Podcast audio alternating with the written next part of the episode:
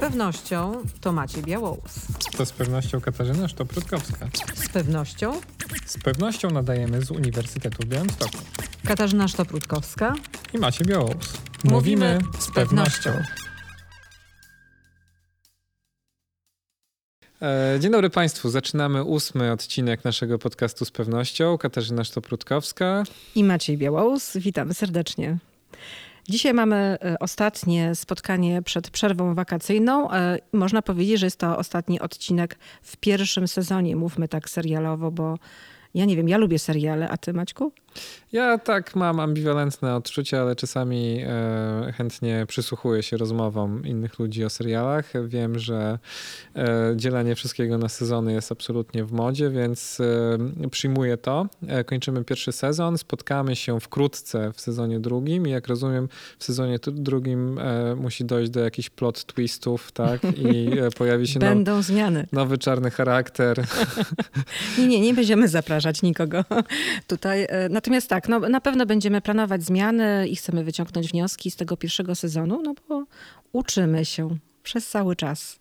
To prawda, ale też właśnie przy okazji chyba korzystając z tego, że to właśnie nasz e, ostatni odcinek przed e, przerwą wakacyjną, e, no ja przynajmniej chciałbym powiedzieć, ale myślę Kasiu zgodzisz się ze mną, że jesteśmy bardzo wdzięczni za wszystkie odsłuchy. Jesteśmy bardzo wdzięczni, ale też mile zaskoczeni tym, że no zdarzało nam się i tobie i, i mi, wiem o tym, że jacyś ludzie do nas na przykład się zwracali. Nawet nieznajomi, bo że Nawet- znajomi to tak, rozumiem. Tak, mówiąc, że, że słuchają i że im się podoba i naprawdę jest to zawsze, za każdym razem miód na nasze serce.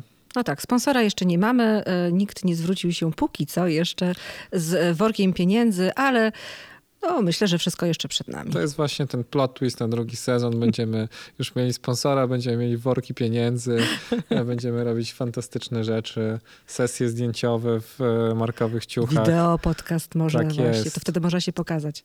No ale dobra, może słuchaj do brzegu, bo patrzę, że już tak wakacyjnie się zrobiło.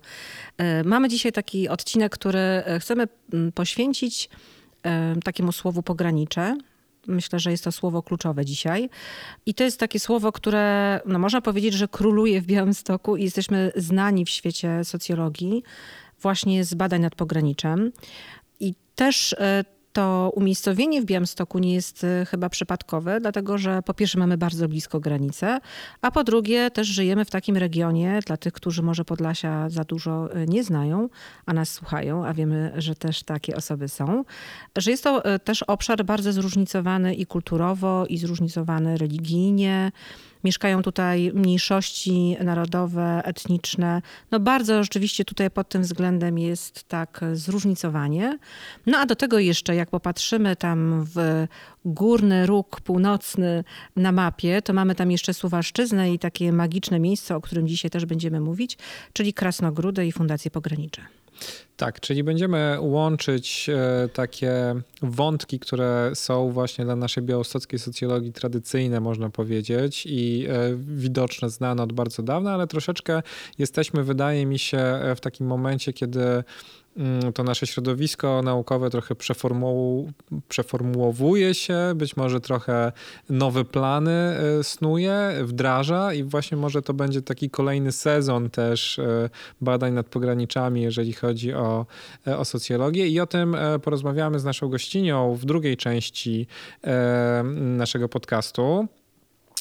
Myślę, że trochę o konkretach, o planach na przyszłość tutaj e, będziemy mogli zagadnąć ją. Natomiast e, póki co, e, tak, ruszamy w stronę Krasnogródy.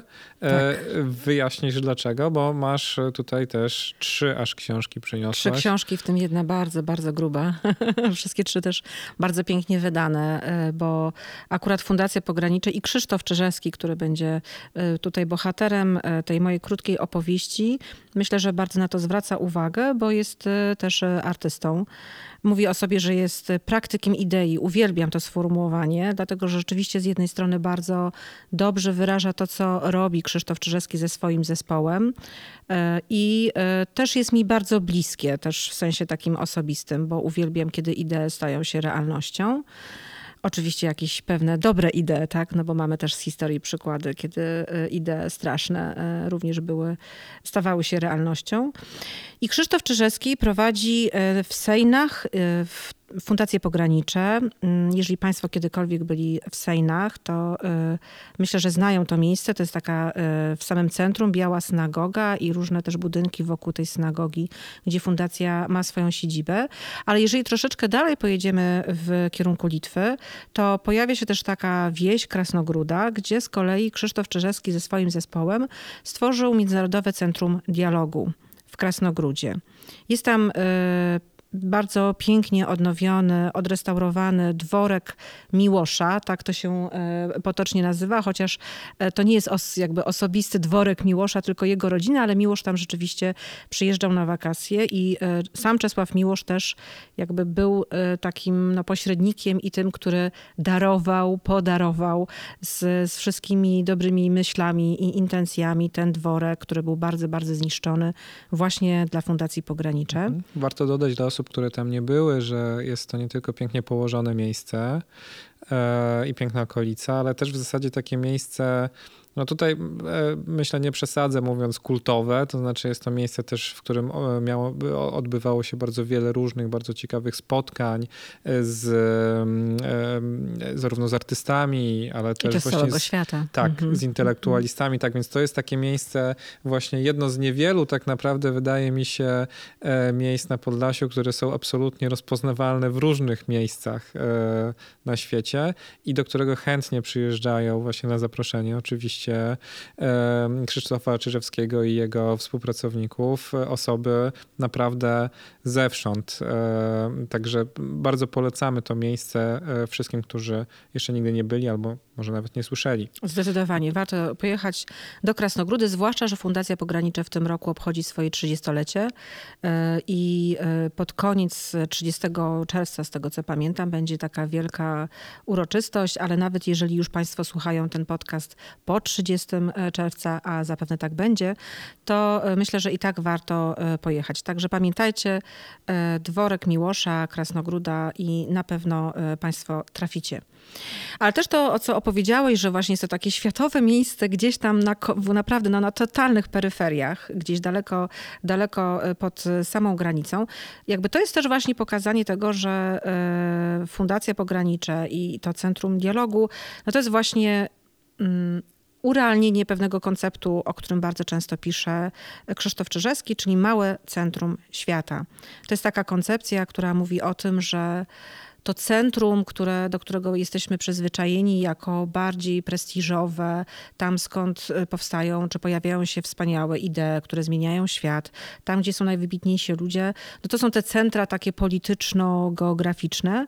Natomiast on y, oczywiście mówi o tym, że te małe centrum świata może być w, wszędzie, wszędzie tam, gdzie są ludzie, którzy mają swoją opowieść, którzy mają swoją y, kulturę, swoje zwyczaje, swoją małą historię historię.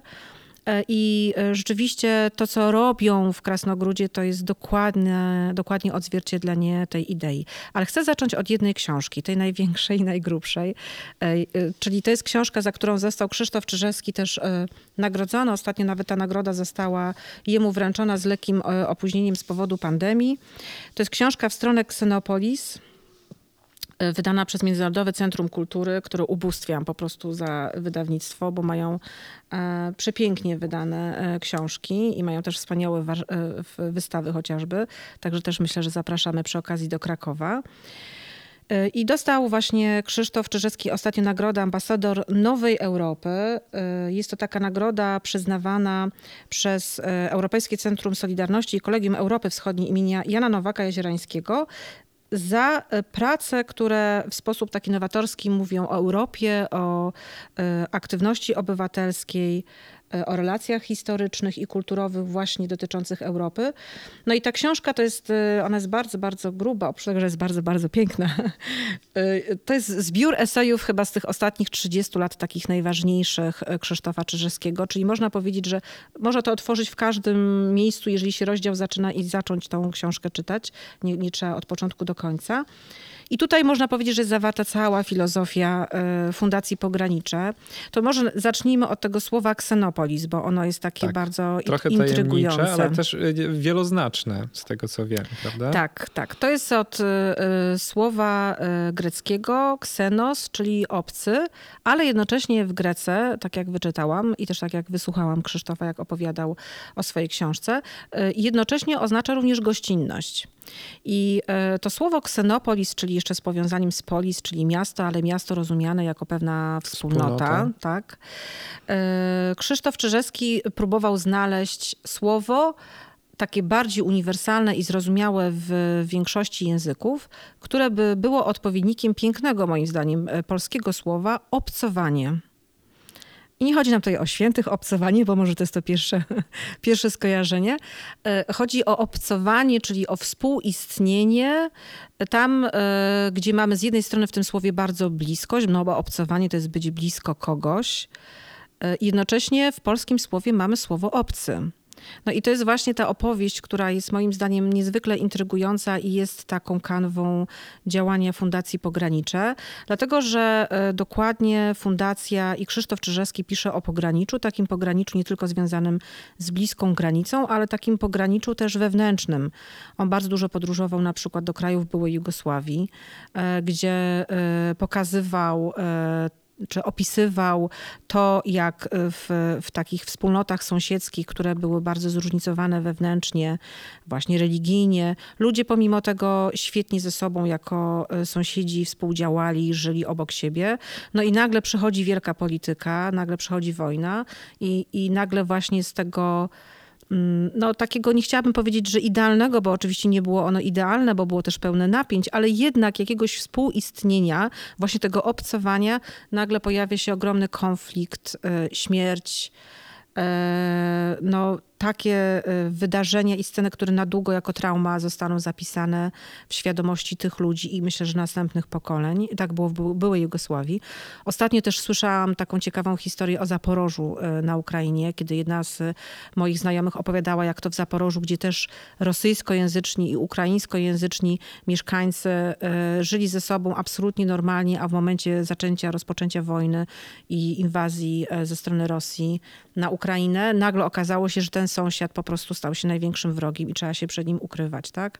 No tak, tak. To, to, to jest oczywiście w wielu miejscach e, na świecie historia pokazuje takie dramaty, powieść. jest uniwersalne, ale to też jest ciekawe, wiesz, bo, e, bo tutaj wspomniałeś, że, że ktoś opowiadał, że wcześniej było zupełnie normalnie, ale to też jest e, bardzo charakterystyczne, że no, ta perspektywa konfliktu, perspektywa wojny, na przykład perspektywa śmierci, też trochę zmienia pamięć, trochę zmienia, e, trochę zaczynamy idealizować to, co było wcześniej. Mm, ja ostatnio rzeczywiście to mi dało mm. dużo do myślenia, kiedy czytałem e, taką książkę bardzo ciekawą e, na temat, to, to był taki wydany pamiętnik Żyda młodego z Bielska Podlaskiego, który w latach 30. tam mieszkał i napisał pracę na, taki konkurs pamiętnikarski, powiedzmy, to zostało wydane, przetłumaczone na polski, bo to był pisany widzisz, e, zostało wydane po polsku. Bardzo ciekawa e, lektura, właśnie pokazująca takie doświadczenie młodego człowieka wychowującego się w miasteczku takim żydowsko-polskim w latach 30. E, I właśnie tamtej nie ma tej takiej idealizacji, która często następowała już z perspektywy pamięci wśród osób, które przeżyły na przykład Holokaust. Mm -hmm. One wspominały, że no, kiedyś wszyscy, prawda, żyliśmy, e, e, żyliśmy dobrze ze sobą razem. No nie do końca zawsze tak było, prawda? Natomiast oczywiście to obcowanie musiało w jakiś sposób być rzeczywistością, być praktyką, tak? Przez wiele no lat. Tak, bo oni ze sobą, tak, no, oni tak. ze sobą jak, jednak żyli. E, I myślę, że oczywiście masz rację, bo te napięcia na pewno były i też Krzysztof Czyżewski e, mówi, e, i wydaje mi się, że to jest to dobre sformułowanie, o dramacie spotkania. No on też jest jakby aktorem i reżyserem i ten dramatopisarski sznyt ma bardzo mocny. Natomiast rzeczywiście jest to dramat spotkania. To znaczy dramat w sensie takim, że są oczywiście bardzo pozytywne elementy i jakieś emocje, które wokół tego spotkania się wydarzają, no ale też jest to napięcie i taka niejasność co do reakcji drugiego. I powiem tylko, że zaczyna się w ogóle ta książka taką opowieścią bardzo znaną z różnych innych opowieści. Ja znam chyba nawet z jakiejś coachingowej książki poradnikowej, ale tutaj właśnie Krzysztof Czyżewski bardzo pięknie rozwija tą powieść o dwóch mnichach i o kobiecie. Nie wiem, czy słyszałeś. Nie słyszałem i bardzo chętnie To bardzo króciutko wysłucham. opowiem. Więc było dwóch mnichów, jeden młody, drugi starszy. Pochodzili akurat z takiego tybetańskiego klasztoru, załóżmy, że to był tybetański, no z jakiegoś klasztoru, gdzie obowiązywało do zachodu słońca milczenie, nie można było się odzywać. Druga reguła mówiła o tym, że nie wolno dotykać kobiety, nawet patrzeć na kobietę. No, myślę, że to takie dosyć spójne z antykobiecą retoryką w wielu religiach. No ale nie, ale nie, nie brnijmy w to teraz, bo to, jest to mój są... dopisek, tak, tak bo zaraz opowieść zostanie y, przeze mnie zniszczona. No i, i idą y, ci dwaj, y, tych dwóch mnichów idzie i jest rzeka, jest zniszczony most. Przy rzece stoi kobieta i nie może przejść no bo most jest zniszczony. Jest dosyć płytko, więc oni się decydują przejść, e, że tak powiem, przez tą rzekę na piechotę, ale kobieta są różne wersje. Możemy założyć, że była, oprócz tego, że była oczywiście bardzo piękna, to miała piękne jedwabne szaty, e, których no nie mogła e, za bardzo zamoczyć, bo by zostały zniszczone. No i stary, stary mnich podejmuje decyzję, bierze kobietę na ramiona i przynosi na drugi brzeg rzeki. Młodszy mnich odwraca nawet oczy i nie chce w ogóle na to patrzeć, ale jest oczywiście przerażony, wzburzony, ma mnóstwo emocji w sobie. E, kobieta bardzo dziękuję staremu mnichowi, odchodzi, oni idą dalej no, w milczeniu, chociaż zanim ten zachód słońca e, dojdzie e, do finalizacji i rzeczywiście słońce zachodzi, młodszy mnich nie wytrzymuje, łamie regułę i pyta z oburzeniem starego mnicha, jak mogłeś to zrobić? Jak mogło się dotknąć, popatrzeć? Jak mogłeś sprawić, że twoje ręce dotknęły e, jej ramion? E, no i stary, stary mnich tłumaczy mu i mówi o tym, że ja e, tą kobietę przeniosłem na drugi brzeg i ją zostawiłem, a ty ją niesiesz cały czas. I do tego jeszcze złamałeś też, włas, jakby sam złamałeś reguły milczenia.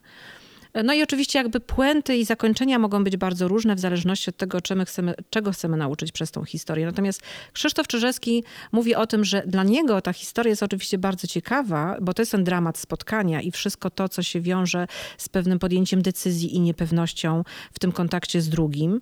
Natomiast to, co dla niego jest najważniejsze i co jest najciekawsze, to jest tak naprawdę to, że ta historia zaczyna się dopiero na końcu, tak? Czyli dla niego najważniejsze jest pytanie, co się stało z tą kobietą, jak to spotkanie ją zmieniło.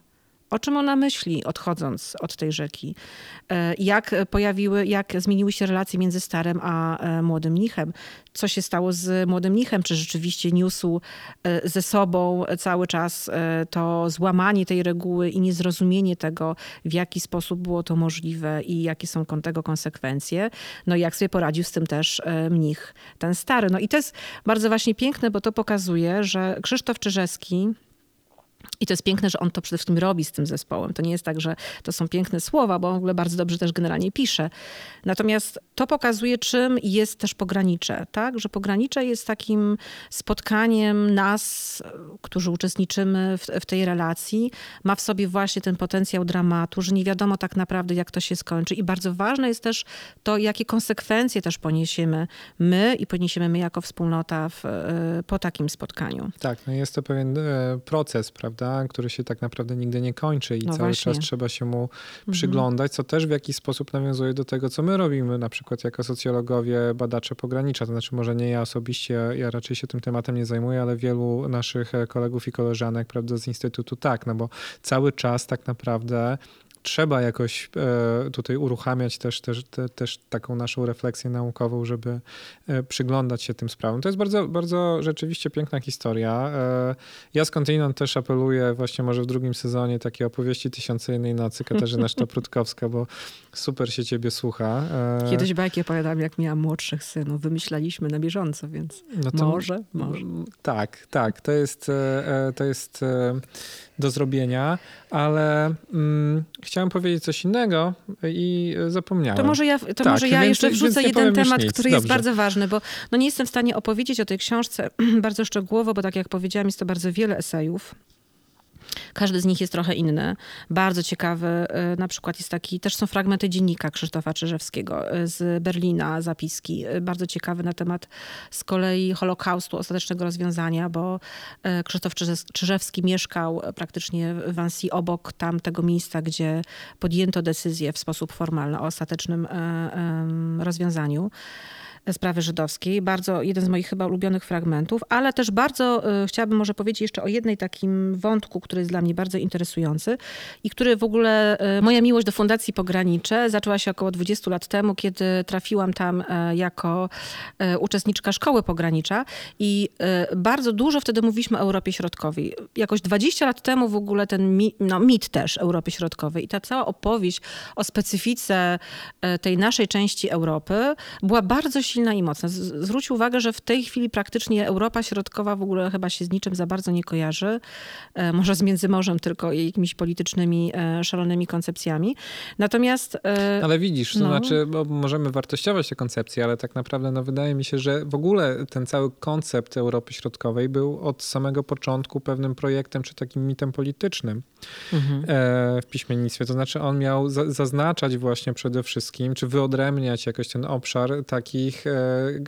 krajów czy społeczeństw, które mają przeszłość właśnie takiego dużego zróżnicowania e, kulturowego, mhm. etnicznego, religijnego. To przede wszystkim miało dotyczyć chyba tych posthabsburskich też państw, ale, ale również Polski na przykład. Więc e, oczywiście mi też nie do końca podoba się kierunek, w którym ewentualnie teraz idzie wyobrażenie tego, czym jest mhm. Europa Środkowa, ale chyba to nie było tak, że, e, że to zostało jakoś tam zaanektowane po prostu politycznie, tylko że zawsze mhm. jakby tak, tak ta konotacja polityczna była bardzo wyraźna od początku. To jest moje wrażenie mhm. w każdym razie. No Krzysztof Czyszewski e, w, w, w, tych swoich esejach wydaje mi się, że zwraca uwagę jednak na coś innego. To znaczy, jeżeli dobrze go y, czytam, to y, raczej mówi o tym, że no my się zachłysnęliśmy tą Europą Zachodnią i tą, tą Europą, która związana z Unią Europejską, która no jednak ma trochę inny wymiar też taki kulturowy i mówi, że jakby uznaliśmy i wyparliśmy się trochę tej Europy Środkowej, bo była ona raczej postrzegana jako coś prowincjonalnego,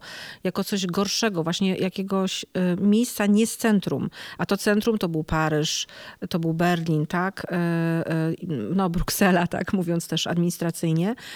I wydaje mi się, że to jest dobry trop, to znaczy on zwraca uwagę na to, że na przykład w Sejnach, ale wszędzie, wszędzie tak naprawdę, dziecku łatwiej zostać Europejczykiem, bo uczy się o Unii Europejskiej, bo uczy się na przykład o strukturze administracyjnej e, Unii Europejskiej. Nawet historia jest raczej historią, prawda? Europy też zachodniej bardziej niż tej Europy Środkowej. Natomiast trudno być tym Europejczykiem, który jest związany z tą małą społecznością lokalną, w której się mieszka. No to jest cała też debata i dyskusja na temat tego, na ile e, ta historia lokalna powinna być chociażby obecna w, nie wiem czy w podręcznikach, ale na pewno w jakimś e, programie nauczania w szkołach średnich.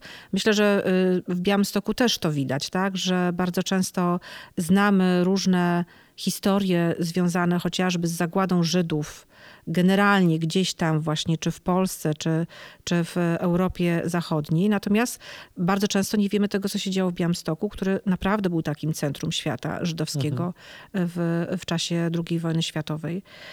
I ta refleksja nad tą Europą Środkową jest też bardzo ważnym wątkiem e, w stronę Ksenopolis. No i oczywiście też Krzysztof Czyżewski, zwłaszcza poprzez opis tej swojej praktyki, mówi, mówi o tym, że to ksenopolis, czyli trochę taki kierunek, w którym mamy dążyć, trochę taka no, mm, idea tej wspólnoty, czyli tego, że jednak powinniśmy zwrócić się nie tylko w, jakby i budować na, na tym ja, czyli kim ja jestem, na budowaniu swojej autonomii, wolności, ale no, on też się powołuje na filozofię dialogu, ale też ważne jest budowanie tej wspólnoty, czyli wyjścia z tego ja do drugiego, do tego innego.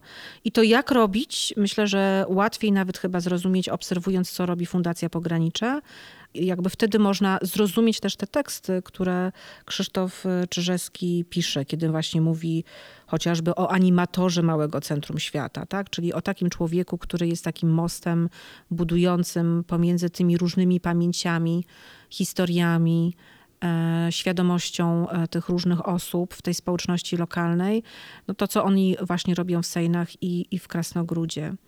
No, ja y, bardzo Państwu polecam wszystkie książki Krzysztofa Czyżewskiego. Myślę, że jest to taka idea pogranicza, która jest nam bardzo bliska tutaj w Białymstoku, w Instytucie Socjologii, no ale przede wszystkim też jakby przełożenie na praktykę. Tak, no ja rozumiem, że też ta, ta książka właśnie w stronę Xenopolis może być e, swego rodzaju takim kompendium tak naprawdę, żeby zrozumieć e, całościowo, prawda, pewnego rodzaju filozofię i praktykę też działania. Myślę, że tak. I to jest właśnie piękne, że to jest filozofia i praktyka. Czyli tutaj zdecydowanie się te e, dwie sfery naszego życia ze sobą łączą w taką spójną całość, no co jest fascynujące, dlatego że oni tak naprawdę ubrali ideę w działającą instytucję. To też jest zresztą ciekawy bardzo wątek, o którym pisze Krzysztof Czyżewski, czy od, powołuje się na Marię Janion i na taką, e, na taką koncepcję bildungu, czyli takiego, e, e, takiego procesu budowania właśnie pewnych wartości, pewnego typu wspólnoty właśnie poprzez instytucje, czyli po to, żeby mieć jednak to długie trwanie, a nie poprzez eventy, wydarzenia, projekty, coś, co jakby jest bardzo czasowe cała w ogóle też filozofia kultury e, Krzysztofa Czyżewskiego też jest oparta właśnie o taką ciągłość i budowanie takiej ciągłości.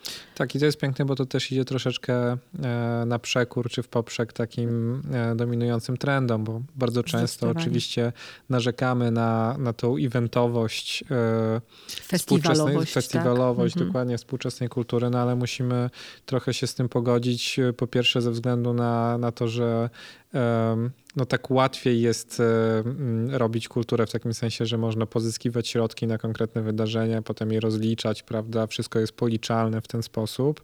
E, można jakieś wskaźniki sobie opracować, które gdzieś piszemy w sprawozdaniu i tak dalej, więc po prostu wydaje mi się, że to jest łatwe, ale, ale, ale z drugiej strony też no wydaje się, że to jest w jakimś sensie, w dobrym znaczeniu tego słowa, to, to podejście Krzysztofa Czyżewskiego jest anachroniczne. To znaczy ono e, jakby próbuje e, troszeczkę robić coś obok e, takiemu takim typowym naszym praktykom kulturowym, na przykład współczesności, bo ta festiwalizacja, ta eventyzacja, ona też wynika z tego, że my po prostu mamy bardzo mało czasu, że e, odczuwamy też konieczność e, mm, zużywania naszego wolnego czasu w sposób produktywny i tym samym potrzebujemy też takiej maksymalizacji bodźców, nie? Znaczy, e, jeżeli idziemy na jakiś event, to chcemy, żeby tam po prostu ten event był też napakowany wrażeniami pod korek, tak? Żeby tam były dźwięki i obrazy i zapachy, zapachy i Nawet jedzenie. jak to mówisz, to czujesz, że to jest takie obce po prostu temu, co, co Fundacja Pogranicze tak, rzeczywiście robi. Tak, natomiast,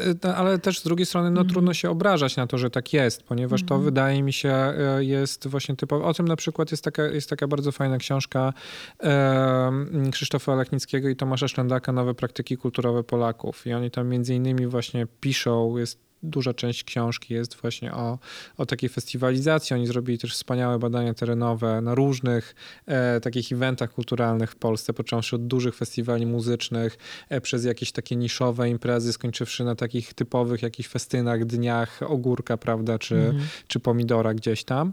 E, no i generalnie rzecz biorąc, no, no, wnioski są takie, że, że po prostu jakby świat, w którym żyjemy, e, sposób w jaki pracujemy, to, że coraz trudniej też jest odróżnić e, wiesz, e, czas pracy od czasu wolnego, e, no to sprawia, że taki właśnie eventowy, wydarzeniowy model kultury jest po prostu dominujący, najwygodniejszy dla wszystkich na dobrą sprawę, ale właśnie może czasami warto spróbować czegoś innego i tutaj no tak, to jest jakaś, Sejny. myślę, że propozycja, jakaś propozycja alternatywna zdecydowanie takiego zanurzenia w kulturę i trochę to kultura jest pewnym sposobem bycia ta kultura i te praktyki kulturowe są z pewnym sposobem e, bycia i życia. Tak? Jest to zdecydowanie więcej niż uczestnictwo w jakimś e, festiwalu. Ale bardzo mnie to fascynuje i też takie zakorzenienie e, i to, że to jest takie umiejscowione. To są zresztą ludzie, którzy mm, no, byli takimi wolnymi duchami, tak? Cały ten zespół małżeństwa Czyżewskich i Szrederów byli ludźmi teatru, teatru alternatywnego w Gardzienicach. No i nagle w takiej podróży, zresztą na wschód, którą zrobili na początku lat 90., to jest też niesamowita opowieść w ogóle, ale to chyba już nie mamy na to czasu. Mam nadzieję, że kiedyś Krzysztof może nam opowie. E, zatrzymali się w swoim wozie, który był trochę takim właśnie wozem teatralnym, gdzie wystawiali sztukę e, lorki, na podstawie lorki e, w różnych miejscach i zatrzymali się w tych sejnach, zrobili dwa razy tą sztukę w, w Białej Synagodze i postanowili zostać, bo zrozumieli, że tutaj jest wszystko. No to jest historia, która też brzmi jak scenariusz dobrego filmu. E, no i tak, i generalnie rzecz biorąc, wydaje mi się, że to, co powiedziałaś e, o, o tej alternatywie, której możemy szukać, to też jest chyba ważne, że tak naprawdę no, Sejny, Krasnogróda to są miejsca absolutnie wyjątkowe i często my też mówimy magiczne, ale bynajmniej nie jedyne w Polsce. To znaczy też warto się rozejrzeć, bo jest wiele takich e, pro, prowincjonalnych miejsc, takich mm -hmm. peryferii, mm -hmm. które są bardzo bogate e, w treści, w znaczenia, e, w rzeczy, które tam się dzieją. Ja pamiętam zresztą kilka lat temu na Kongresie Kultury był taki panel właśnie dyskusyjny dotyczący właśnie roli peryferii, jeżeli chodzi o kulturę w Polsce. I chyba nie skłamię, jeżeli e, powiem, bo pamiętam, że to chyba właśnie Krzysztof Czyżewski albo ktoś z, w każdym razie z Sejn czy z Krasnogródy zaproponował stworzenie czegoś w rodzaju takiego archipelagu, czy takiej, takiej koalicji e, to różnych peryferii, tak, tak. E, które, które mogłyby e, po prostu też bardziej zaistnieć w świadomości w ogóle kultury w Polsce, tak? bo, bo naprawdę no, kultura nie kończy się na Warszawie, Krakowie, Wrocławiu i Gdańsku, prawda? Tego jest mnóstwo innych miejsc, które, gdzie warto być, gdzie warto przyglądać się, co się. No to jest dzieje. takie dowartościowanie, dowartościowanie tego, co być może właśnie mogłoby być uznane za prowincjonalne, a więc gorsze. Tak sobie nawet myślę, jak to przenieść na wielkomiejskość. I nie wiem, czy to jest dobry trop, ale tak ad hoc powiem, jednak co przyszło mi do głowy, bo y, bardzo, bardzo cenię sobie takie działania chociażby w Ursusie, y, w, w tych zakładach, były zakładach Tak, tak, tam Ursusa. Y, Wójcik, tak. tak? No właśnie. I to jest też taki przykład. Wiem, że w Białymstoku też fasty będą miały taką swoją opowieść. Nie wiem, na ile ona będzie artystyczna, ale to jest takie zbieranie takiej lokalnej historii. No ale właśnie tam są też fantastyczne historie, tak? Jakby ci ludzie niosą w sobie no nie chcę powiedzieć, że cały wszechświat, bo brzmi to banalnie, ale y, jakby tam nie trzeba nic więcej, tak? Po prostu trzeba tylko posłuchać, wsłuchać się i no wydaje mi się, że to jest to małe centrum świata, o którym właśnie mhm. pisze Krzysztof Czyżycki. Ale to powiem ci, muszę, muszę e, opowiedzieć o, o, tym Ursusie jeszcze, jakie ja mam doświadczenia, e, bo powstał film między innymi e, zrobiony przez Jaśminę Wójcik, Igora Stokwiszewskiego i jeszcze tam innych ludzi, którzy uczestniczyli mocno w tym projekcie. Symfonia Fabryki Ursus, nie wiem, czy ci znane. Wiesz co, nie, nie oglądałam, ale czytałam póki co jeszcze o tym filmie. Jeżeli ktoś z państwa nie zna, nie oglądał, nie czytał, to poszukajcie w internecie. Ja nie jestem pewien, czy on jest gdzieś w tym momencie dostępny. Może w Ninatece gdzieś. E, być może, ale jeżeli nie, to warto przynajmniej trochę poczytać, bo jest to bardzo e, ciekawy taki film dokumentalny, ale też eksperyment, e, w którym główną rolę odgrywają byli mieszkańcy, byli pracownicy fabryki Ursus, ale też mieszkańcy Ursusa często. Ale do czego zmierzam? To jest taki film dokumentalny, który jest bardzo ciekawy, ale też wydawał mi się trudny, ponieważ on trochę jest, jest, jest filmem artystycznym też, eksperymentuje eksperymentuje z formą, jest tam trochę e, takiej choreografii, muzyki, która no nie, nie, niekoniecznie jest super łatwo przyswajalna.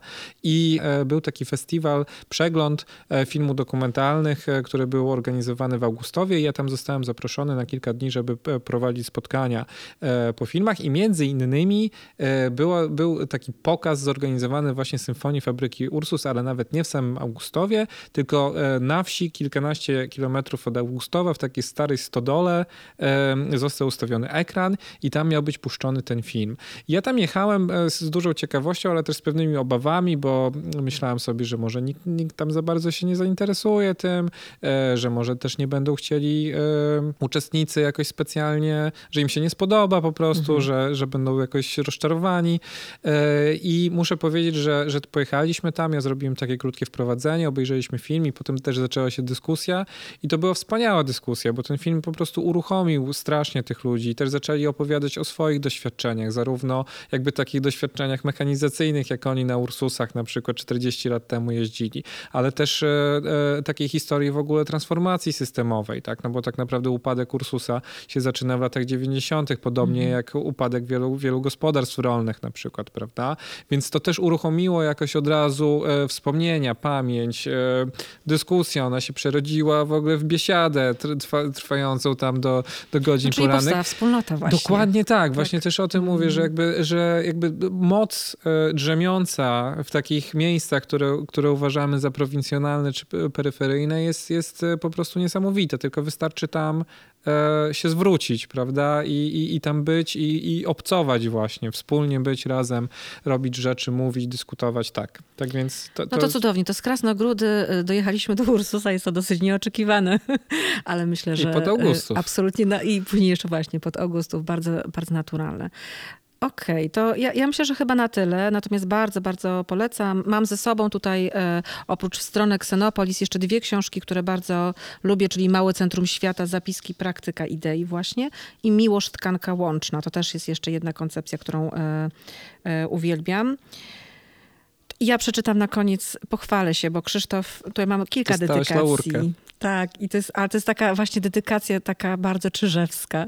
Dobrze, słucha, słuchamy w takim Katarzynie razie. na drogę ku budowaniu własnego centrum świata, które skrywa się tam, gdzie marzenie zaślubione jest z działaniem. Trochę zazdrość, powiem ci. Wspaniała to jest dedykacja. Prawda? E, mam nadzieję, że, że się spełni. Dobrze, to zanim przejdziemy do rozmowy z gościem, ja tylko e, dwa słowa powiem, bo no trochę więcej. też muszę. Nie, nie, znaczy więcej, ale e, postaram się jak, naj, na, jak najkrócej, bo też sytuacja jest taka, musicie Państwo wiedzieć, że ja już drugi raz przynoszę pewną książkę, o której chciałbym opowiedzieć, ale tak się toczą nasze rozmowy, że w zasadzie nie ma na to czasu i dzisiaj też nie zacznę o niej mówić, bo ona jest godna tego, żeby, mm, żeby ją omówić dokładniej. A myślę, że będą jeszcze jakieś okazje, e, więc e, chciałbym tylko e, zakomunikować Państwu, że jakiś czas temu ukazało się w wydawnictwie Charakter drugie wydanie esejów Jamesa Baldwina Zapiski syna tego kraju. I to jest naprawdę wspaniała też książka, która w jakiś sposób przyniosłem ją dzisiaj, ponieważ ona nawiązuje też troszkę do takiego obcowania i przekraczania też granic i szukania komunikacji, wspólnoty, ponieważ ponieważ e, James Baldwin to jest taki bardzo znany czarnoskóry Ameryka, był, e, już nie żyje, e, był takim bardzo znanym amerykańskim pisarzem, intelektualistą, moralistą też i te eseje pisane w latach 50. przede wszystkim, one opowiadają o konieczności, ale też niemożności trochę porozumienia pomiędzy białymi i czarnymi mieszkańcami Stanów Zjednoczonych, ale też o wielu innych jeszcze rzeczach, ale o tym pewnie porozmawiamy sobie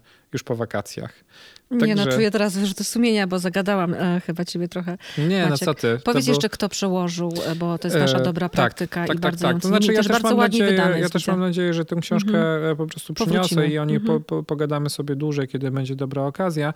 Przełożył Mikołaj Denderski i to jest wydanie drugie, poprawione z tego, co rozumiem. Jest bardzo ładna okładka, jak zwykle jest, mm-hmm. jest wszystko bardzo fajne, ale ponieważ naprawdę James Baldwin i, i tego seje, które absolutnie też są uważane w ogóle w Stanach Zjednoczonych za klasykę takiego dwudziestowiecznego non-fiction. To się czyta też często jako lekturę, e, tę książkę. Myślę, że ona jest warta tego, żeby właśnie przynajmniej z 20-30 minut o niej e, pogadać, także to sobie zrobimy spokojnie Czyli taki raport indziej. E, z Xenopolis ze Stanów Zjednoczonych. Tak? Trochę tak i cały czas bardzo aktualny też, wiesz, napisane mm -hmm. 70 lat temu. A Co trochę jest smutne aktualny. chyba, nie? Bo jakby jest. to pokazuje, że, że problem rasizmu jak rozumiem, to jest jeden z tych wątków, tak, ważniejszych, e, no i jest cały czas obecny. No dobrze, to chyba zrobimy w następnym sezonie tak, że ty będziesz pierwszy e, opowiadać o książkach, a ja druga. I wtedy będzie może trochę sprawiedliwości e, więcej na tym świecie. To co? To chyba będziemy iść do naszej gościni. Tak, którą serdecznie zaraz przywitamy.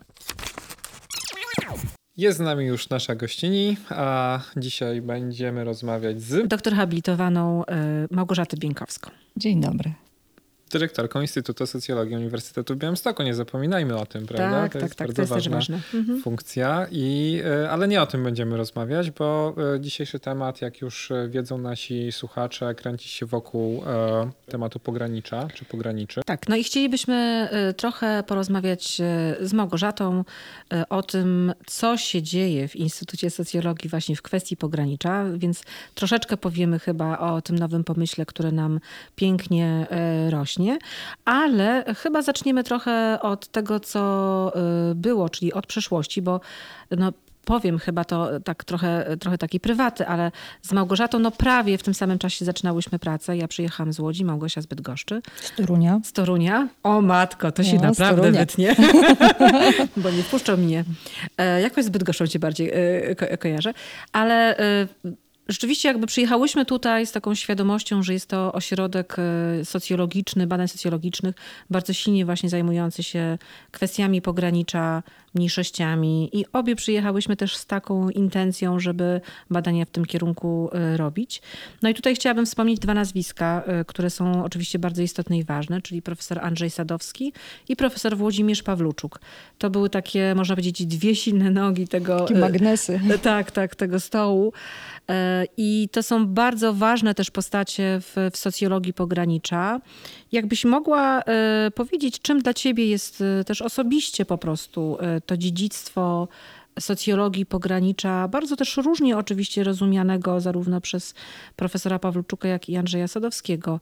Czym jest dla ciebie dzisiaj to dziedzictwo intelektualne E, ich, e, ich pracy, ich badań dotyczących pogranicza? O, to jest trudne pytanie w sumie, żeby to zawrzeć w jakichś kilku zdaniach, ale faktycznie trafiłyśmy w tym samym czasie i z tego samego powodu. E, gdzieś tam moja wcześniejsza praca studencko-naukowa też była związana z etnicznością i stąd gdzieś jakieś były pierwsze kroki w stronę Białego Stoku. I tutaj jeszcze połączę kropeczki, bo to ty pierwsza byłaś w Fundacji Pograniczej, jeszcze przede mną. A w Fundacji Pogranicze, no tak. Tak, wcześniej rozmawialiśmy o Fundacji Pogranicze właśnie. Mhm. Fundacji Pogranicze byłam jeszcze w trakcie studiów. E, też e, w ramach projektu Szkoły Pograniczej, chyba pierwszej edycji, jeśli dobrze pamiętam.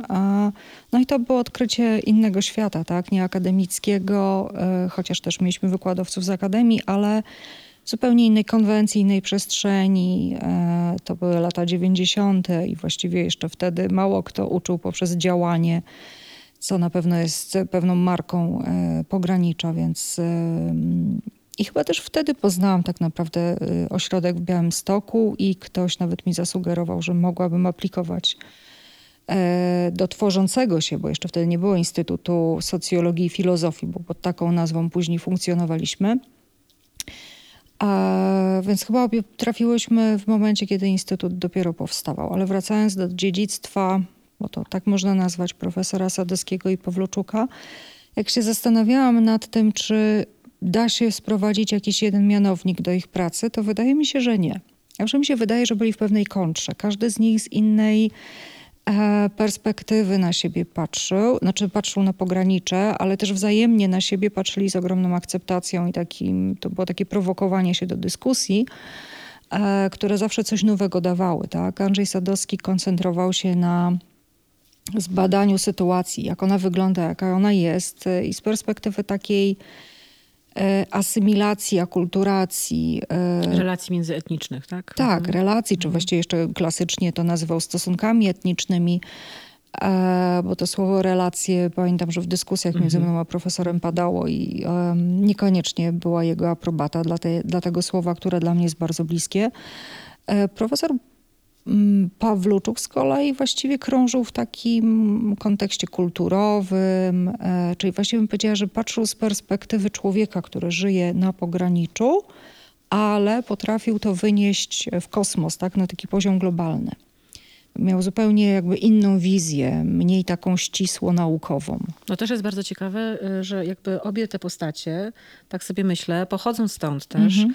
i jakby miały to pogranicze w swoim DNA, można powiedzieć. To było ich doświadczenie życiowe i to myślę, że też jest w ogóle bardzo ciekawa, intelektualna e, taka biografia ich, y, obu panów, y, którzy potrafili to doświadczenie takie codzienności przekuć na teorię socjologiczną. Myślę, że to, mam nadzieję, że kiedyś może ktoś o tym napisze. Tak sobie pomyślałam, że to chyba jest bardzo wartościowe. Tak, absolutnie. Trochę wyprzedziłaś e, to samo, co ja chciałem powiedzieć, bo wydaje mi się, że to jest e, właśnie ten e, łączący element, tak poczucie też pewnego związku z tym obszarem, ale to trochę... Ale to, ale to mhm. wejdę jeszcze w słowo, to jest rozumienie takiego pogranicza stricte terytorialnie. Natomiast dla mnie takim doświadczeniem e, odkrywczym było to, że chociaż pochodzę z Bydgoszczy, mieszkałam w Toruniu i nigdy nie patrzyłam na tamte obszary jako obszar pogranicza, to dopiero y, przyjechanie do Białego Stoku, zajęcie się pograniczem tutaj uświadomiło mi, że ja właściwie całe życie żyłam na jakimś pograniczu. Że ono też tam jest, tak? tylko nie jest dzisiaj współcześnie mm, akcentowane, nie jest mocno widoczne, a też właściwie było to miejsce, gdzie do II wojny światowej e, żyli obok siebie Polacy, Niemcy, Żydzi, e, tworząc e, społeczności, które funkcjonowały przez lata. Mhm. No właśnie, ale też wydaje mi się, że współcześnie, obecnie, jeżeli popatrzymy na nasz skład e, w Instytucie Socjologii, na to, kto zajmuje się tymi tematami, to mamy już tutaj troszeczkę inne podejście właśnie, bo rzeczywiście są ludzie, którzy przyjechali z różnych stron, którzy mają trochę inne doświadczenia biograficzne też, ale z drugiej strony zmienia się w ogóle troszkę, zmieniają się trendy, jeżeli chodzi w ogóle o badanie pogranicz, mm -hmm. prawda? O tym troszeczkę mówiliśmy e, podczas odcinka naszego z profesorem Muchą, ale chcielibyśmy ciebie o to zapytać bardziej, co wydaje ci się takie najbardziej atrakcyjne, czy najbardziej świeże w badaniu pograniczy, pogranicz, pograniczy współcześnie? Hmm, nie wiem, co, naj, co jest najbardziej atrakcyjne, bo myśląc o dzisiejszym spotkaniu, zerknęłam trochę też do tego, jak można by poklasyfikować badania. Oczywiście jest to, mówimy o badaniu pogranicza, ale to nie jest domena socjologii, to jest po prostu przestrzeń taka interdyscyplinarna. Um, wiem, co jest świeże, tylko spróbuję nie zgubić tego wątku. Natomiast y, patrząc na jakiś rozwój badań, to najpierw były badania, które bardzo mocno podkreślały pogranicze w kontekście granicy, która oddziela od siebie państwa które stanowią dwa odrębne byty. Potem y, właściwie były takie badania koncentrujące się na procesach właśnie asymilacyjnych, na takiej perspektywie funkcjonalistycznej, patrzenia właściwie co się dzieje, jakie procesy prawne, społeczne zachodzą. I y, gdzieś w latach 70. XX wieku na świecie następuje przełom, czyli podejście do takich badań kulturowych. Wydaje mi się, że w to się wpisujemy jako instytut bardzo mocno. Oczywiście te badania kulturowe, perspektywa kulturowa y, w badaniach pogranicza się rozwija dynamicznie po dzień dzisiejszy. To, co jest gdzieś takim kolejnym, czwartym elementem, o tym pisze chociażby James Scott, jeden z takich uznanych światowych badaczy pogranicza, mówi o takim wymiarze badań pragmatycznych. To widać bardzo mocno w geografii społecznej czy geografii politycznej, gdzie się patrzy po prostu na procesy, współpracę transgraniczną, e, analizuje się przepływ kapitału i tak dalej. To zupełnie są e, z mojej perspektywy dla mnie mm, odległe rzeczy, ale też niesamowicie interesujące. E, I zdaję sobie z tego sprawę, jaki potencjał pod tym względem ma Białystok, żeby przebadać takie, mm, takie kwestie, ponieważ mm, jak już mówimy o tym, skąd się wzięłam w Białymstoku, to moje pierwsze skojarzenie z Białymstokiem to jest rynek na Kawaleryjskiej. Dzisiaj bym powiedziała, mm. że no po prostu taki tętniący życiem wielokulturowy świat który nie został przebadany de facto od strony socjologicznej. Mm, temat rzeka. Taki podlaski Chinatown. Tak, tak, tak, tak. Tego, tego mi brakowało, ale naprawdę to można tak nazwać e, bo to było odkrywanie naprawdę wielu, wielu rzeczy. Dzisiaj to widzę, wtedy niekoniecznie wszystko potrafiłam nazwać. Natomiast to, co jest świeże, e, na pewno w badaniach nad pograniczem, to jest łączenie sztuki i nauki czyli wchodzenie, do, e, wchodzenie w obszary takiego mariażu nauki i sztuki, co wcześniej w ogóle w nauce było trochę nie do pomyślenia, albo było jakimś takim alternatywnym podejściem, na które inni patrzyli z jakimś przymrużeniem oka, mówiąc, że to, to nie do końca nauka. Dzisiaj to, to ma miejsce. Ciekawe. To jest bardzo ciekawe, bo w ogóle jak przygotowałam się do tego podcastu, to przypomniałam sobie e, w Galerii Arsenał jedną z najlepszych wystaw, które widziałam. Galeria Arsenał w Białymstoku to jest taka galeria sztuki współczesnej. Uwaga, granice to się nazywało. O, e, było tak. To jest wspaniała była. W ogóle były świetne też, pamiętam, dyskusje, które prowadził Edwin Bendyk wtedy. E, I na ostatniej też wystawie taki, która teraz dosłownie jest na, w tym czasie w, w Galerii Arsenał na temat, na temat jedzenia, Jest taka, jeden, jeden, z, jeden z takich elementów tej wystawy, chyba jeden z moich ulubionych, to jest pokazanie, w jaki sposób mięso jest szmuglowane przez granicę polsko-białoruską i ukraińsko-polską w obie strony. E, zresztą dwóch, dwoje artystów, dwóch artystów, e, Polak i Białorusin to e, zrobili. Ale to właśnie pokazuje, że ten nasz obszar wokół granicy jest bardzo specyficzny, ale też właśnie, że te przekraczanie tych granic takich dyscyplinarnych jest bardzo ciekawe, że jakby zarówno w sztuce, jak i w socjologii to, co się dzieje na tej granicy jest bardzo intrygujące. Tak? To jest bardzo ważny temat. Myślę, że nawet współcześnie, kiedy te granice niby znikają, niby znikają, chociaż w czasie pandemii to raczej... W czasie pandemii to wręcz odwrotnie, sobie mocno sobie nie Możesz trochę właśnie powiedzieć o, o, o, o tych takich y, przestrzeniach wspólnych ze sztuką, y, bo to jest bardzo ciekawe. Czy jakieś projekty, nie wiem, z, w Białymstoku są może... Y, znaczy w, powstają, planowane? Znaczy ja tutaj bardzo mocno myślę o badaniach, które, badaniach pracy, y, nie tylko badaniach, ale w ogóle pracy, którą robiła w ramach pracowni sztuki współczesnej Kasia Niziołek. Um, o projekcie Bieżenki, który dotykał z jednej strony tego, co się kiedyś działo na tych terenach, czego doświadczyła część społeczności lokalnej, a z drugiej strony pokazywał też, jak to wpływa na drugie, trzecie pokolenie, które niekoniecznie zna tą historię bieżeństwa, ale doświadcza jej pośrednio gdzieś w jakichś e, pozostałościach doświadczeń swoich dziadków czy rodziców. Ale też e, patrząc szerzej, wychodząc już poza Białystok, Zostałam e, dwa albo trzy lata temu zaproszona do Rady pisma, które mm, było tworzone. W tej chwili chyba czwarty numer tego pisma wychodzi.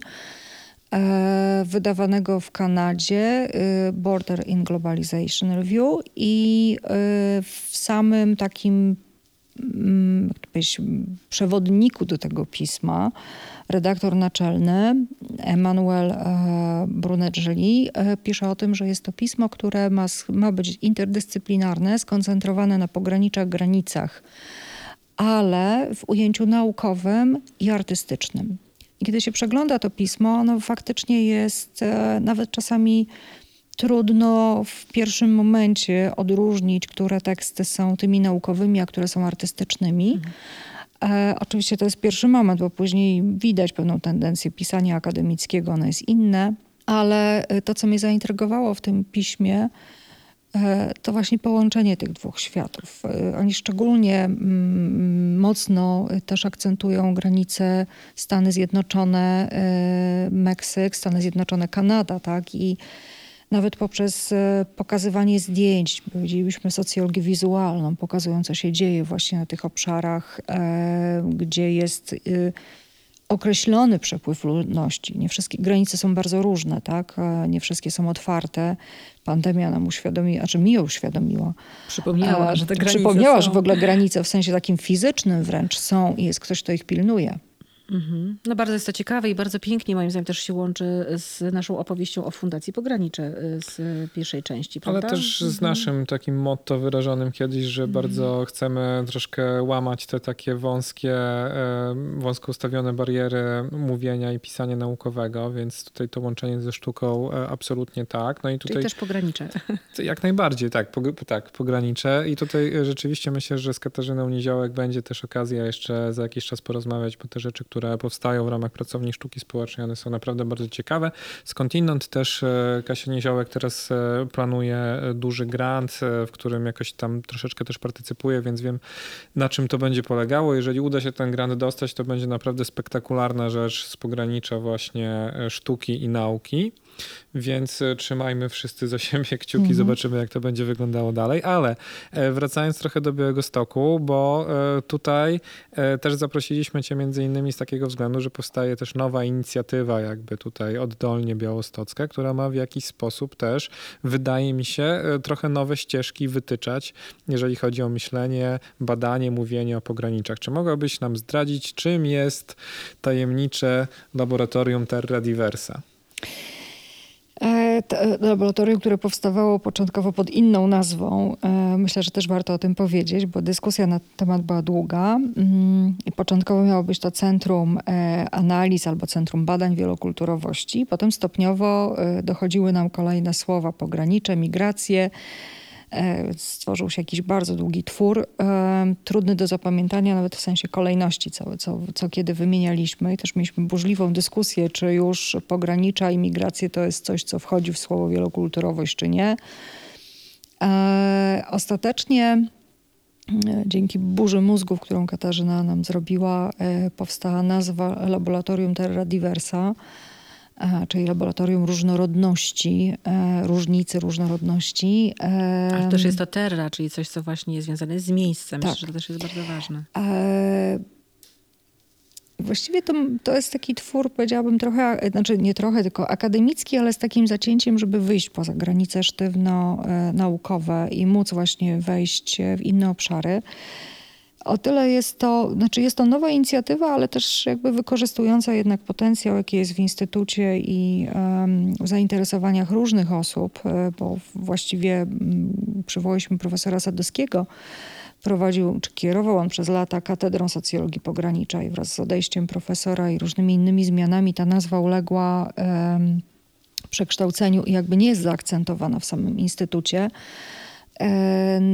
Co, co, no, ma jakiś swój wymiar, tak? Więc nie ma czegoś, co pokazywałoby wprost, że się zajmujemy pograniczem. Stąd pomysł też między innymi laboratorium się wpisuje w taki akcent. E, ale laboratorium e, z swojej definicji ma mm, na celu jakby z jednej strony gromadzenie tego, co już jest zrobione, pokazanie w postaci chociażby archiwum pracy, jakie były wykonane, publikacji,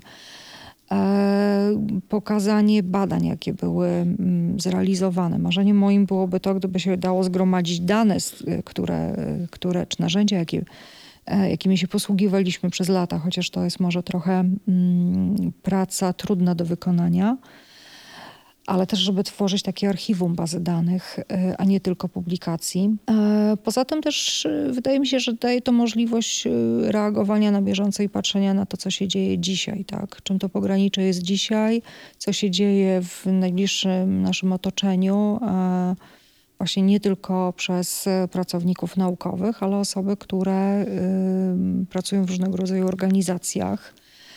I wydaje mi się, że znacznie szybciej reagują niż naukowcy na bieżące rzeczy.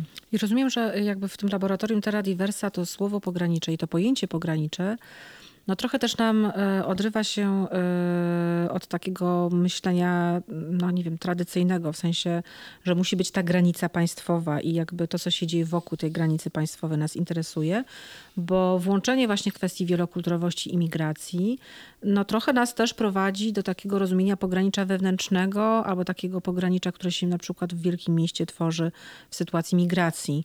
Czyli takie, takiego pogranicza kulturowego. Tam wcale nie musi być tej granicy w sensie mhm. takim dosłownym, fizycznym, tak? I nie musi być e, e, z, słupek graniczny. Słupek, taki słupek graniczny właśnie z, z godłem. Natomiast to, to ta granica jest w nas. W sensie w naszych zasobach kulturowych, w naszej świadomości i tożsamości. Wydaje mi się, że to przesunięcie też jest bardzo ciekawe. Ty wspomniałaś o tym, jak mówiłaś o tych różnych definicjach, ale to moim zdaniem też otwiera bardzo na różne możliwości takie badawcze, tak? No bo właśnie to pogranicze, na przykład możemy to, o tym pograniczu mówić w wielkim mieście, tak? Czyli nawet, no nie wiem, czy w Białymstoku, czy w jakimkolwiek innym we Wrocławiu, gdzie takie grupy migrantów y, są bardzo, coraz bardziej widoczne. Rozumiem, że w tym kierunku też y, laboratorium pójdzie badaniu tych nowych zjawisk. Myślę, że tak. Znaczy, wróciłabym do samej definicji pogranicza. E, tak jak wspomniałaś kiedyś, właściwie pogranicze było wyznaczane przez granicę, która rozdziela jakiś obszar, dzieli na mhm. dwie części, które mają różny status prawny i formalny. E, I patrzymy na to, co się dzieje, jak to wpływa mm, na, na i całe społeczeństwo, i pojedyncze osoby. Natomiast dzisiaj powiedziałabym, że ta granica fizyczna, prawna, państwowa nie jest już potrzebna, znaczy Pewnie, że z jakichś tam względów jest potrzebna oczywiście, ale nie jest potrzebna do tego, żebyśmy mm, obserwowali te same procesy pograniczne, które zachodzą e, w społeczeństwach, bo mi jest bardzo bliska definicja wypracowana przez Krzysztofa Czyżewskiego, który mówi o tym, że to jest agora. Miejsce spotkania ludzi, miejsce dialogu.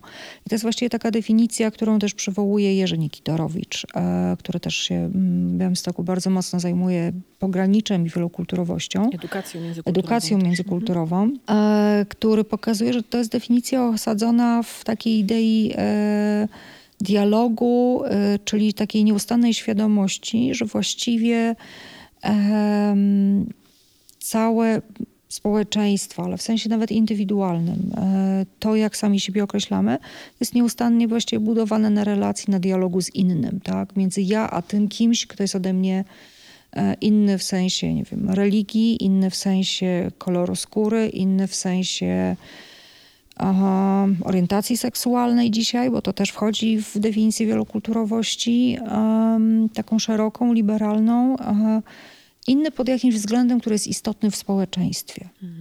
E, I powoduje tym samym, że właściwie sami sobie uświadamiamy, jakie my mamy własne mm, wartości, przekonania, jakie mamy, nie wiem, granice w sobie, uwewnętrznione ze społeczeństwa, mówiąc socjologicznie, tak, uwewnętrznione ze społeczeństwa, w którym gdzieś tam na co dzień jesteśmy. Mhm.